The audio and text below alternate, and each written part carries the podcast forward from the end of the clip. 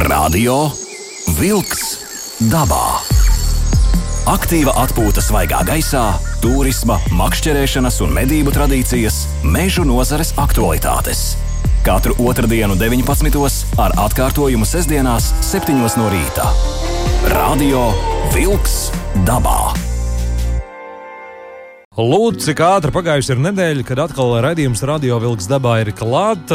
Esiet sveicināti, radio klausītāji, Aivis Latvijas Radio 2 studijā šeit Doma laukumā. Sandris Jūra attālināti šobrīd joprojām. Sandri? Jā, jā, labs vakar. Sveiciens arī tev, un šodien mūsu sarunas viesis ir um, liels zivsaimniecības, varētu teikt, tā arī zivju speciālists, un vēl jau vairāk kā veterinārā ārsts, kas specializējas ne tikai zivju slimību ārstēšanā un konstatēšanā, bet vēl ir amats, un tas ir Mārcis Ziņģis. Mārci, labs vakariņš! Labvakar! Mārcis, varētu vēlreiz atkārtot klausītājiem visus tos uh, nu, pilnos nosaukumus amatiem, nu, kas nu tu dzīvē arī esi. Jā, manu izglītību un specializāciju jau nosauca veterinārā. Jā. Vēl esmu institūtā Biora nodaļas akvakultūras pētniecības izglītības centra vadītājs. Jā. Tieši ar pētījumiem, uh, akvakultūrā, zivju audzēšanā Jā. darbojos un konsultēju interesantus. Un vēl esmu Latvijas zivju audzētāju asociācijas uh, vadītājs. Skaisti! Nu, ļoti skaisti. Mārcis sa- sanāk arī braukt makšķerēt, ja tā jājautā. Tas man tāds bērnības hobijs. Tomēr Un, ir. Jā. uh, pāris reizes gadā viens vai ar jaunāko dēlu, tad makšķerējam arī. Mārcis, bet tādam, speciālist, tādam speciālistam kā tu esi, nav tā, ka dodoties pie dabas, piemēram, nu, dažas reizes gadā uz copi, uz to visu pasākumu, sanāk skatīties vairāk no tāda zinātniskā viedokļa. Cik liela asarīša, cik liels raudiņš, vai formas pareizs, vai nav krustojums kāds, vai nav kāda slimība zīltiņām un tā tālāk. Nesanāk tā. Vai to visu Eh, atmet nost? gan. Nopietni, jā, tomēr. Sanāk, gan es sevi pieķeru pie uh, patiesībā nu ne lielāks, mazāks vai kas, bet uh, pie slimībām. Tām gan patoloģijām dažādām pievēršu uzmanību. Interesanti. Nu, bet mēs šajā raidījumā gan runāsim gan par to, gan arī vēl par mūsu piemājas dārziņu. Tas ir zivju dīķi. Sandra. Jā, tā tad uh, nu, ir tāda realitāte. Tie, kas dzīvo teiksim, ārpus uh, lielām pilsētām, uh, lauku reģionos, uh, nu, vai nu arī tiem, kuriem ir kaut kāds lauku īpašums, mēs visi zinām, ka lielāks vai mazāks, bet kaut kāds dīķītis maziņš būs. Vai nu to izmanto pirts vajadzībām, vai nu vienkārši, lai būtu ūdens vasarā, kur nopeldēties. Un, uh, un vienmēr ir jautājums, nu, kādas zivis tur ielaist? Cik uh, lielas, cik mazas, uh, kādas uh, šķirnes, vai laist, vai nelaist, kādi dziļumi, kādi lielumi un tā tālāk. Un tā tālāk. Kā būs kaut kāds maza plēns ar ūdeni? Vienmēr gribās, lai tur ir zivs, ne Taisnība. tikai vārdes Jā, ne tikai vārdes kurks un, uh, un, un, un, un, un putni ielaižās, uh, un vēl kas tur ne, ne, nedzīvo tikai vien. Un tā tālāk. Un, uh, Mārcis, es ar tevi gribētu mm, teikt, kopā ar mūsu klausītājiem nu, nepieļaut tās pirmās lielākās kļūdas, ar kurām jau meklē tevi rokās. Un, uh, Un ko man tagad darīt? Tīķis ir duļķains visu gadu. Eh, Ko man tagad darīt? Eh, Augsts iet. Eh, Ko man tagad darīt? Zivis bija, bet vairāk nav. Un tā tālāk. Tūkstots un viens jautājums. Varbūt Mārci uzreiz ķeramies, vērsim pie ragiem. Un pasaki lūdzu, nu, centrālais un galvenais jautājums ar kuru pie tevis vēršās, ir kāds tieši sakarā ar piemājas dīķīti.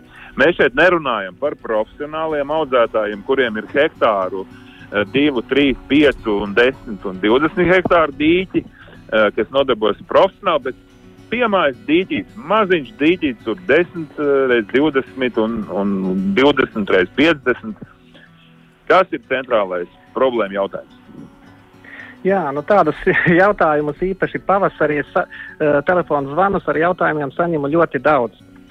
Uh, tā skaitā arī no neprofesionāliem, jā, no hobiju dīķu īpašniekiem. Jā, un jā. patiesībā problēmas ir visdažādākās. Jā, es pat domāju, to visu izrunāt un izstāstīt, kā, kad rīkoties, ja mums stunda laika uh, būs pa maz. Uh, varbūt tad, uh, tā īsumā sākot, ja, uh, teiksim, uh, nu, lai vairāk uh, saprastu, teiksim, nu, kā arī ir zvans ar problēmu, jā, mans pirmais jautājums pretī ir par šo dīķa nu, raksturojošajiem lielumiem. Jā. Pats lielums, platība, jā, un mm -hmm. uh, dziļums. Es, es teiktu tā, ka nu, nav tāda pareizā teiksim, lieluma, plat, uh, dziļuma, jā, tāda liela. Bet uh, parasti nu, šādos gadījumos uh, tas ir aptuveni 2-3 metru dziļš dīķis. Jā, mhm. parasti nu, visbiežāk jau līdz pushektāram vai Ir arī īpašnieki tā, ka aizsniedzas līdz hektāram, nu, tas ir 100 x 100 metru platībā. Jā. Jā. Un šādā te dīķī, nu, jāsaka, dažādu rīcības seku rezultātā, ja saskarās ar problēmām. Uh, te uh, pie minētajiem uh, teiksim, piemēriem, ja par šo doļķainību, tas, protams, būs atkarīgs no gultnes sastāvā. Ja tā būs mālaina, tad ar šo māla duļķojumu būs ārkārtīgi grūti pat, teiksim, tikt vaļā ja, to, šo mhm. panākt pat uh, dīķī nesot zivīm. Ja, jo, jo šīs māla daļiņas sīkās, viņas ir elektriski lādētas un ļoti ilgā laikā lēnītēm izgulsnējas. Un, tā, paga, paga, paga, paga, paga, elektriski lādētas. Tā, tagad kaut kas no kosmosa tehnoloģijām. Nē, nu tas nav tik briesmīgi. Tas nav tik briesmīgi, vienkārši šīs sīkās, sīkās uh, izšķīdušās māla daļiņas, ja, kas uh, veido šo te, bieži vien necaurskatāmo duļķojumu. Jā, tad, tad, lai viņas izgulsnētos, nu, nepietiek vienkārši tām fiziski zemes pieaugšanās spēkā rezultātā nogulsnēties dīķa dibenā, jā, bet ir nepieciešams ilgāks laiks, lai tas dīķis mierīgi, pie mierīga ūdens tādos nosacījumos kļūtu dzidrāks, dzidrs pat jā, pilnībā. Jā. Jā, bet, ja tas būs teiksim, cita augsne, jā, vai jau vecāks, kur ir izveidojies nu, tāds dīķa sediments, nogulsnes, jā, un tad jau zivīm nesot, tā dzidrība būs. Jā. Un šeit jāsaka, protams, zivis, kas barojas uz gultnes, īpaši vasarā, uh, savu dzīvības procesu teiksim, rezultātā, peldot, meklējot barību, to dīķi duļķos. Ja, un, nu, ja vēlme ir, uh, lai šis dīķis būtu dzidrs, ja, tad tomēr laikam vispareizākais būtu atturēties no jebkāda zivju ielaišanas. Aha, jā, jebkāda. Nu, pat varbūt, jā, pat tā. Varbūt šeit tā, tad pieminam uh, klasiskās uh, zīves. Nu, tātad uh, viens ir karpas, uh, ko visi ļoti labi pazīst. Uh, un tās, laikam, arī ir lielākās duļķotājas. Ja? Mm, tā sanāk, jā, tās, kas barojās uz grunts. Karpas, teiksim, Latvijā ir arī iecienītas šur tur kāds ielaiž arī kā pastorītei. Jā, mm. teiksim, nu, tās pašas karpveidīgās zivis, līnijas, karūsa, tipiskās dīķu iemītnieces. Jā.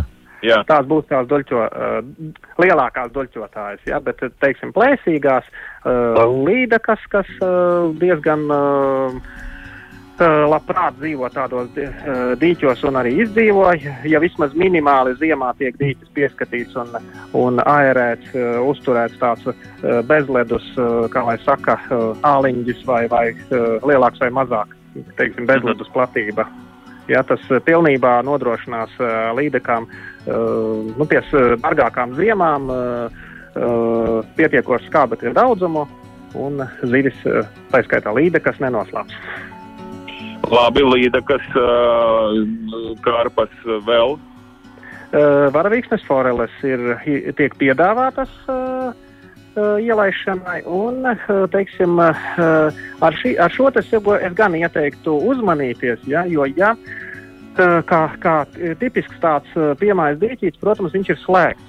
Tur nav ne ieplūdes, ne izteces, jā, tas ūdens jā. ir stāvošs. un, un vasarā, teiksim, nu, manis nosauktais iepriekšējais dziļums, 2-3 metri, protams, viņš sasils.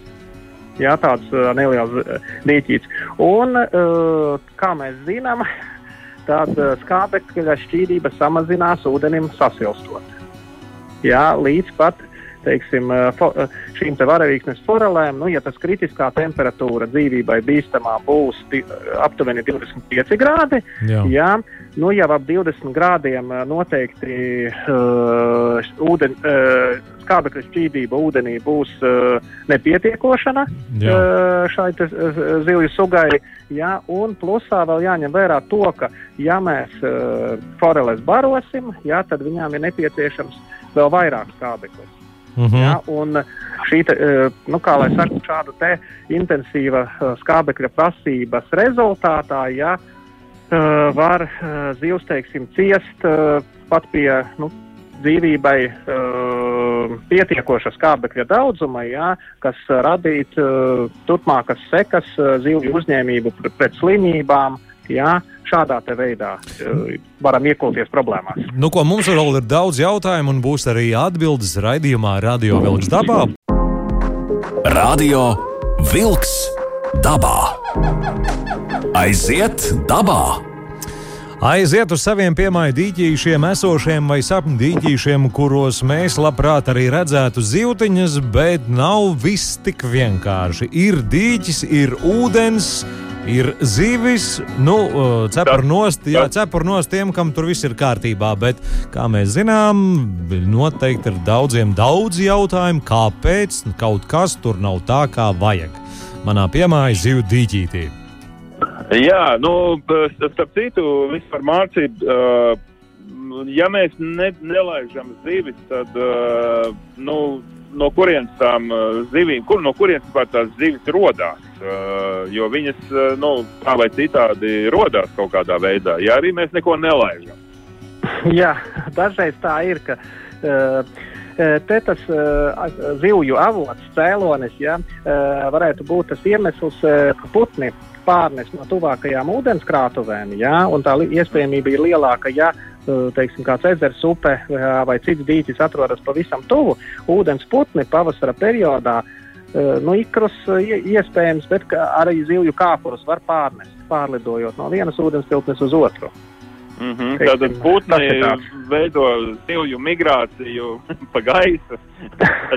jā, tas var gadīties. Kurjeru pakalpojums bezmaksas. Eh, kā, kā tikt pie zivīm. Bet, nu, protams, tās ir uh, kaut kādas uh, nu, mazas mailītes, ja, kaut kādi. Kas ir tie? Citu, tas uh, populāri, nu, teiksim, trīs galvenās sugas, kas šādu veidu pārnes. Ne, ne jau stores un ne jau strauta, ne, bet varavīgsnes foreles. Jā, uh, droši vien uh, parasti tā var gadīties ar asarīšiem, līdeciņām.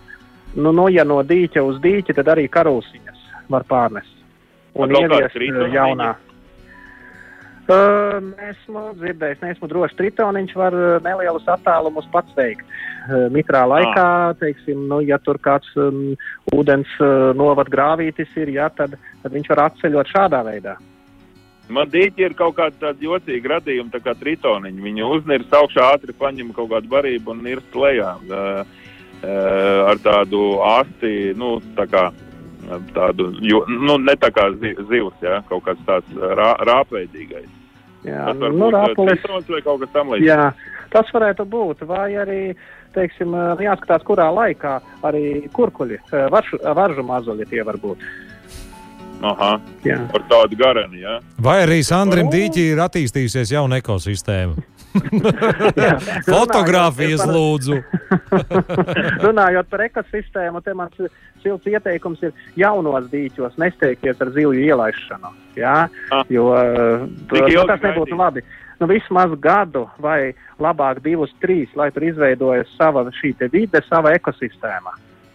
Jā, un, Aha. un piemērotāka vide zivīm. Tā tad ļoti laba pamācība. Svaigā, svaigi izraktā dīķī, trīs gadi nogaidām, un tad kaut ko tur sākam secināt, ko tā laidīs, ko tā nelaidīs. Jā, Mēs aiz, tas būtu ideāli. Aizrunājāmies tik tālu, ka skaidrs ir tiem, kas cenšas uzturēt dīķi nu, visu cauru gadu, arī ziemā. Tad uh, arvien populārākā un pieejamāka laikam ir šī ziemā, kad ir ledus aerācija. Uh, ok, to mēs jautājumu teiksim, tā ļoti nekustināsim. Varbūt to ziemā mēs varētu aktualizēt. Šobrīd runājam par vasaras apstākļiem un, un par galvenajām problēmām. Tātad tu teici, ka piebarot uh, zivis piebaro. Nu, mēs rūpējamies par zivīm, mēs gribam, lai viņas ātrāk aug. Uh, bet uh, tad, tad jautājums ir uh, zivju daudzums. Uh, nu, teiksim tā, uh, cik ziviju vajag kvadrātmetrus vai kvadrātcentimetrus uh, uz, uz dīķa lielumu un tad šī dzīvotnes platība? Te varbūt Sākt varētu pat no mērķa, kādām vajadzībām, eh, ko īpašnieks vēlas ar šo dīķi teiksim, iegūt, vai tīri sev vizuālu tādu baudījumu, ka tur ir zivtiņas, iemetot maizītī vai kaut ko citu ēdamu, jā, tad, tad eh, novērot, eh, kā viņas tur barojās. Vai, teiksim, teiksim nu, jau kaut ko nomakšķerēt, jā, ko sagrilēt brīvdienās vai regulārāk. Jā, teiksim, ar to būtu jāsaka, jāsāk. Jā. Tātad dīķis var būt uh, leduskapis un var būt uh, televizors, jā, kurā mēs jā. skatāmies, iestājamies. Uh, o, labi, uh, nu, ja mēs skaistumam uh, gribam ielaist, tad es uh, zinu, ka mēdz laist uh, tādas uh, sarkanas uh, tās zivis ir karpām līdzīgas. Tās ir tā saucamās zelta orfas, ja, nu tie ir uh, no šie te uh, ālanta radinieki, patiesībā ālanti, uh, bet, uh, bet, bet, bet uh, manuprāt, tā ir šķirne, mm -hmm. tāda kā, kā krāsaina, jā. Nē, nu vienkārši viņu ērtāk ir pamanīt jā, jā, tajā, jā, tieši tā. Tajā ūdenī. Uh, ko tu vēl rekomendētu no skaistuma zivīm, ja mums dīķis kalpo kā televizors, kurā skatīties? Jā, te iespē, iespējams ir iegādāties dažās audzētavās šīs te, nu, tāda kā albīnā forma varavīksnes forelēm, kas arī ir gaišas. Un arī teiksim, tas dzīvesveids ir baroties ar kukaiņiem, ūdens virsējos slāņos, arī būs vieglāk pamanāmas. Ja? vai, teiksim, nu, tas gan būs tāds ekonomiski dārgāks pasākums, jā, tā arī, lai pilnībā uh, novērtētu to skaistu, zivs skaistumu, jā, tad iegādāties uh, šīs dekoratīvās karpas, uh, tā saucamās koji karpas. Jā. Aha. Labi. Un ja mēs runājam par, par ledus skapja formu uh, dīķim? Jā, uh, nu tad jau uh, atkarībā no garumas. Ja? Kā jau es uh, iepriekš pieminēju, šīs foreles, ja? nu, kas gastronomiski būtu vērtīgākas, ja? uh, tomēr vasarā var būt problēmas. Uh, Ar šo ūdens siltumu, jā, ir vēsās vasaras, kad uh, viss būs kārtībā, jā, bet var uznākt vienu vasaru, pāris dienas vai nedēļu ilgstošs karstums, un tas viss beigties ar, ar zivju mirstību lielu, pat, pat, pat kā pilnībā. Bet tad foreles jālaiž caurtekošos dīķos, kur ūdens caurtek nevis, nevis ir stāvošs. Mm. Nu, ja tādu ir iespējams uzbūvēt. Jā. Vēsos, jā, jo. Vai ir jāvot ja to... tikai pietiek, ir vēsi jāvot? Jā, jā, jā. Saimniekam un, pašam jāzina, cik ir temperatūra karstākajās vasaras dienās, un izjūt no tā, var domāt, vai forels darēs vai nē. Te ir tie trīs gadi, kā izpētīt savu dīķi, kā Sandrs teica. Varbūt jā, tā, jā, tas jā. arī ir iemesls. Tas Bet cik tad ir tā minimālā? Tā, tā temperatūra, tad varbūt, teiksim, ja avots ir, nu, avo, avots ir, teiksim, zem dīķē, ja, vai, vai dīķi piepilda avots kaut kāds, kas ir pazemē.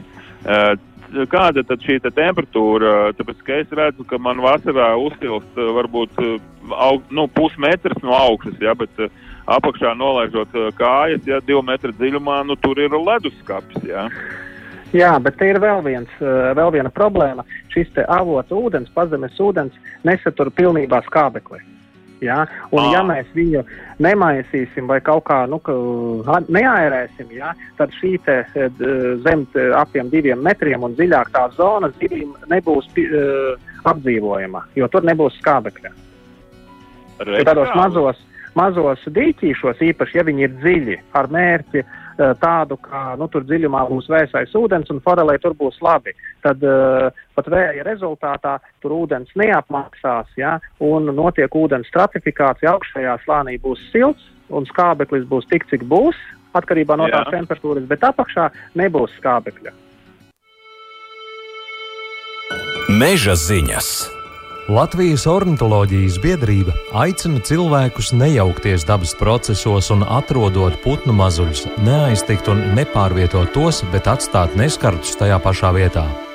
Putnu mazuli nevajag aiztikt un nekādā gadījumā to nedrīkst nest uz mājām, tādējādi atņemot to putnu ģimenei un tā brīža mājvietai. Ornitologa arī brīdina, ja cilvēks pieiet likstdai pārāk tuvu, tas var iztraucēt un aizbiedēt likstojošos putnus, atstājot olas vai mazuļus bez vecākiem. Pieaugušo putnu uztraukums nodod likstas atrašanās vietu iespējamiem postītājiem. Ligzdas postīšana ir likuma pārkāpums. Ja kāds no ligzdas zog olas vai putnēnus, vai ja tuvējā apkārtnē tiek iznīcināta svarīga ligzdošanas vieta, par to nekavējoties ir jāinformē dabas aizsardzības pārvalde. Tas, kā cilvēks var palīdzēt putnam likstošanas laikā, ir parūpēties par to, lai putnus neapdraud mājdzīvnieki, piemēram, kaķi, un necirst kokus un krūmus likstošanas laikā, kā arī pļaut zāli putniem draudzīgā veidā. Pagājušo nedēļu glābēji palīdzējuši kādam alnim Inču kalna novadā, kurš bija iestidzis purvā. Informācija par alni tika nodota vetārstiem un pašvaldības policijai, kas pieskatīja izglābto dzīvnieku. Savukārt alūksnē ugunsdzēsēji glābēji atbrīvoja dzīvojamās mājas ventilācijas šachtā iestrēgušu putnu. Pārtiks un veterinārā dienesta inspektori pagājušajā nedēļā piecām meža cūkām Latvijā konstatējuši saslimšanu ar Āfrikas cūku mēri. Saslimšana konstatēta divām meža cūkām Tukuma novadā, tostarp vienai Džūkstas pagastā un vienai Slampas pagastā. Tāpat pa vienai slimai meža cūkai konstatēts Kuldīgā, Madonas novada Vestienas pagastā un Skrundas novada Skrundas pagastā. Tās bija meža ziņas. Radio Wolks dabā. Aiziet dabā! Aiziet dabā un dodamies, protams, mēs pie ūdeņiem, dodamies uz mūsu pašu piemājas eh, dīķīti, esošo vai domās eh, topošo. Nu, un, protams, ar daudz Jā. jautājumu ir dīķis, vajag zīvis, un tad sākas. Vai arī ir zīvis, un tad jau notiek. Jā, runājam mēs ar um, biospeciālistu Mārci. Un, uh, Mārcis, mēs nonācām uh, iepriekšējā pusstundā pie tā, ka uh, visiem ir skaisti. Uh, ūdens tīķī mums vasarā ir augsts uh, apakšā, teiksim, pie grunts. Bet, diemžēl, uh, zīvis tur dzīvot uh, nedzīvos, jo tur nav skābeklis. Uh, Tas nozīmē to, ka mums kaut kādā veidā vai ir iespēja dabūt to skābekli tur eh, tajā divu metru dziļumā. Jā, nu šeit mums būs uh, tas piespiedu jāērē. Un, uh, iz, uh, veikt to var ar vai ar kompresoriņu, teiksim, nolaižot tur to gaisa caurulīti noteiktā dziļumā. Jā, tie, bu- tas gaiss nā- plūdīs uh, kā burbulīši uz augšu, jā, gan maisīs nedaudz, jā, gan arī apskābekļos. Jā. Vai, teiksim, šeit pat var palīdzēt arī tā, teiksim, tāda dekoratīva strūklaka, kas arī labāk būtu tā, ka ņem no dziļuma šo vēso ūdeni, taisa strūklaku, aerē. Mhm. Uh, jo būtībā, jo lielāks uh, ūdens uh, virsmas saskarsmes laukums ar gaisu, jā, un jo vēsāks tas būs, jo labāk uh, šķīdīs tajā skābeklis. Un zivīm nodrošinās uh, optimālu vidi. Tātad tāda Tas ir strūkla, ka var kalpot kā skaistuma elements, un, uh, un viņš arī, man liekas, ka arī attīra ūdeni kaut kādā veidā. Ja? Uh, negluži, nu, ja tur būs kaut kur filtrs ielikts, tad jā. Uh, un te jāsaka, ka uh, tā problēma, uh, skābekļa trūkuma problēma var rasties ziemā, uh, ledus periodā, jā, Jā. un otrā, otrs ir uh, vasarā, šajā karstajā laikā. Un Mhm. šeit, teiksim, ja tai uh, dīķī uh, būs pietiekoši daudz ūdens augu, uh, tie dienā ražos skābekli fotosintēzes uh, ceļā, procesā. Mm -hmm. Bet naktī visi būs patērētāji. Gan zīvis, gan šie augi, jā, gan teiksim, dažādi, dažādu vielu sadalīšanās procesi patērēs skābekli. Tas lielākais trūkums ūdenī var iestāties agri no rīta pirms saulēkta. Un tad patiesībā šie, šie aerācijas teiksim, ierīces, rūklakas un aerātori būtu jādarbina vispareizāk tieši naktī. Aha. Labi, uh, bet, uh, nu, teiksim tā, skatāmies reāli. Es, nu, reti, kur esmu, nu, varbūt es kaut kur kļūdos, jā. Ir kaut kādas reizes tiešām bijis, kad sūdzās dīķi īpašnieki, ka nesaprot, kāpēc, bet uh, rekur uz zivis peld pa virsmu, it kā nekas slikts nebija. Uh, viss bija normāli, tā kā ierasts, jā, bet tad visticamāk tas ir šis skābekļa trūkums. Tie gadījumi var būt dažādi. Jā, teiksim, tipiska pazīme ir šī te, tā saucamā pīpēšana. Tad, kad zivis ar galvu ir virs ūdens jā, un tver gaisu, jā, nu tā tāda slāpšanas pazīme. Jā, bet vēl jau pie nepietiekoša skābekļa var rasties dažādas citas problēmas. Viņas to imunitāte pavājināties un kļūt uzņēmīgas nu, pie visur esošās, teiksim, tās uh, nu, brīvi dzīvojušie patogēni, jā, kur jā. normālos jā. apstākļos ar zivi būtu viss kārtībā, jā, bet šādā sliktā vidē, nepareizā vidē, jā, tad viņi kļūst, zivis kļūst uzņēmīgas un saslimst. Ja, un it kā tad mēs meklējam to cēloni, un, ja mēs mēģinām ārstēt viņu, nu, mēs jau to sekundāro lietu risinām, nevis primāro, ja, kas dažos gadījumos var būt arī skābekļa trūkums. Bet, eh, teiksim, karpas, eh, kas pa grunti vien tur eh, rokās un plēsīgās zivis kā forele, viņām šis skābekļa daudzums ir nepieciešams vienāds vai tomēr atšķirīgs? Atšķirīgs, atšķirīgs. Skā, skābekļi ir prasīgākas būs foreles, jā, un karpas būs, teiksim tā, mazāk prasīgas un izturīgākas uz šo visu. Ja es gribu tikt skaidrībā ar šo skābekļa daudzumu, ar kaut kādiem mēraparātiem, tad cik tas ir ietilpīgs finansu pasākums, lai to noskaidrotu?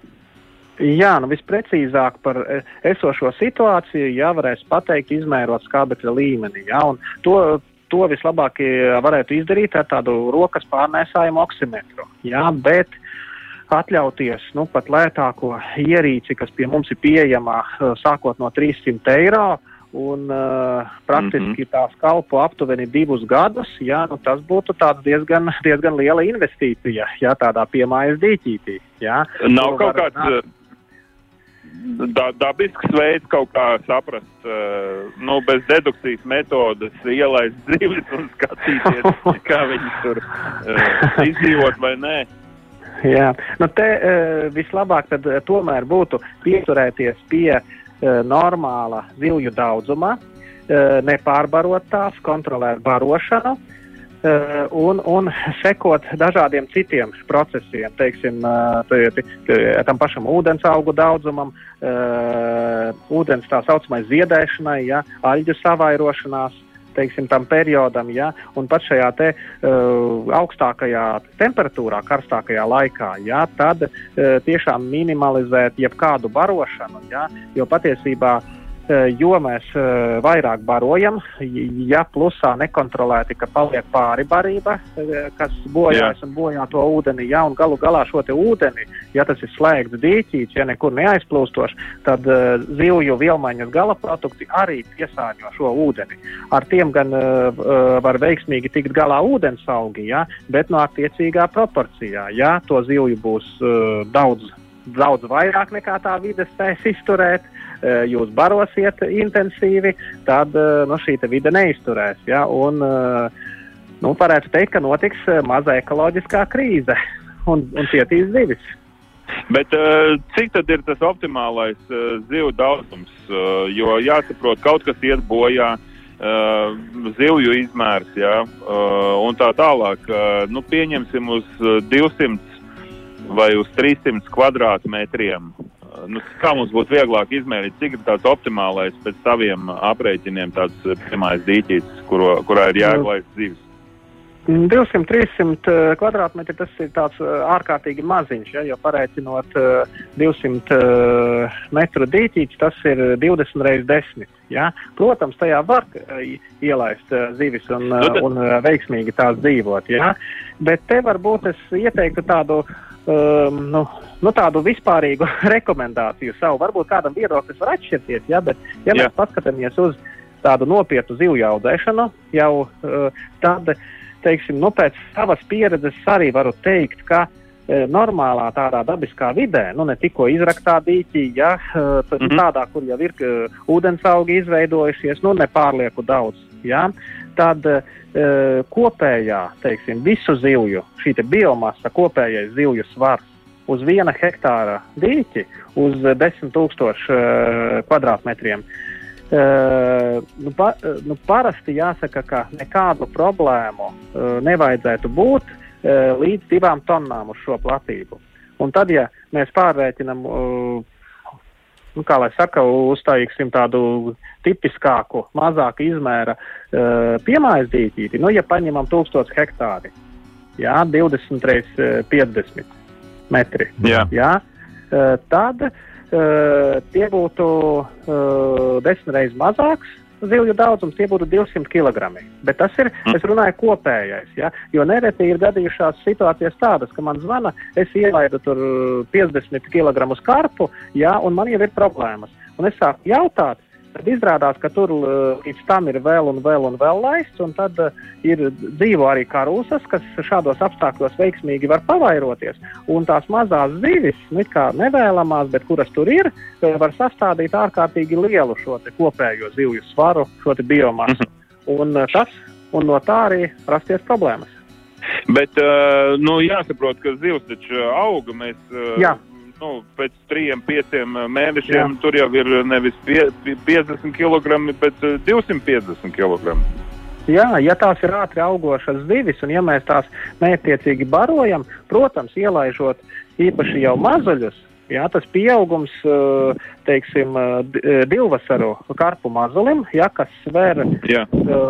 kādi 200-300 grami, jā, nu, tas ir ļoti atkarīgs, kā viņš ir iepriekš, kur dzīvojis un kā baros. Jā. Tā, jā, jā, jā. Viņš pa šo nākošo vasaru var pieņemties svarā piecas un vēl vairāk reizes. Tad būtu no jāņem šī gala. Jā, jā. Jau, jau summa beigās, kas ir. Jā, jā, protams. Jā, ar to ir, uh, kā lai saka, nu jārēķinās. Ja? Un te ir labi, ja mēs pa, uh, papildinām zivis, ja?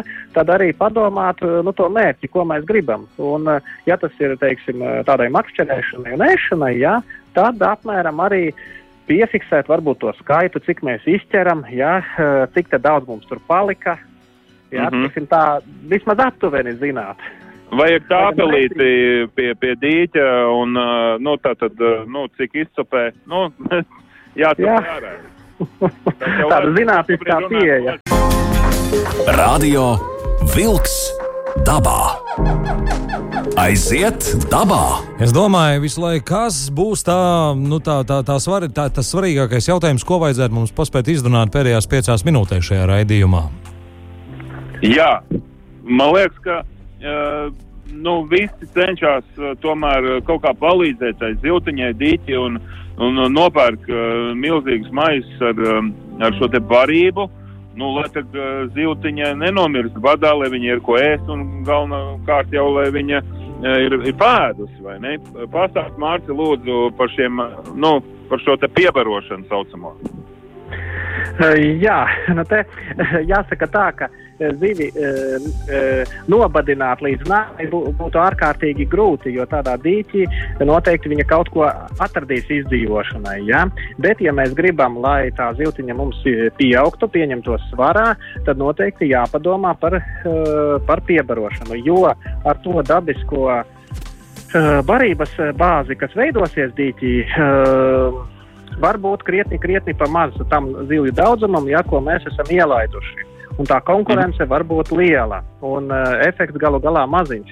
Tāpēc uh, te noteikti ie, iegādājoties barības, varbūt es tā sīk nestāstīšu par barības veidiem, ja par to uh, efektivitāti, ja, bet uh, par pašu barošanas procesu. Uh, Parasti normālos apstākļos, labos, zivis ēdīs, prasīs vairāk nekā viņām vajadzētu. Ja? Aha. Un, protams, šis dīķa īpašnieks parasti jau viņas pārbaro.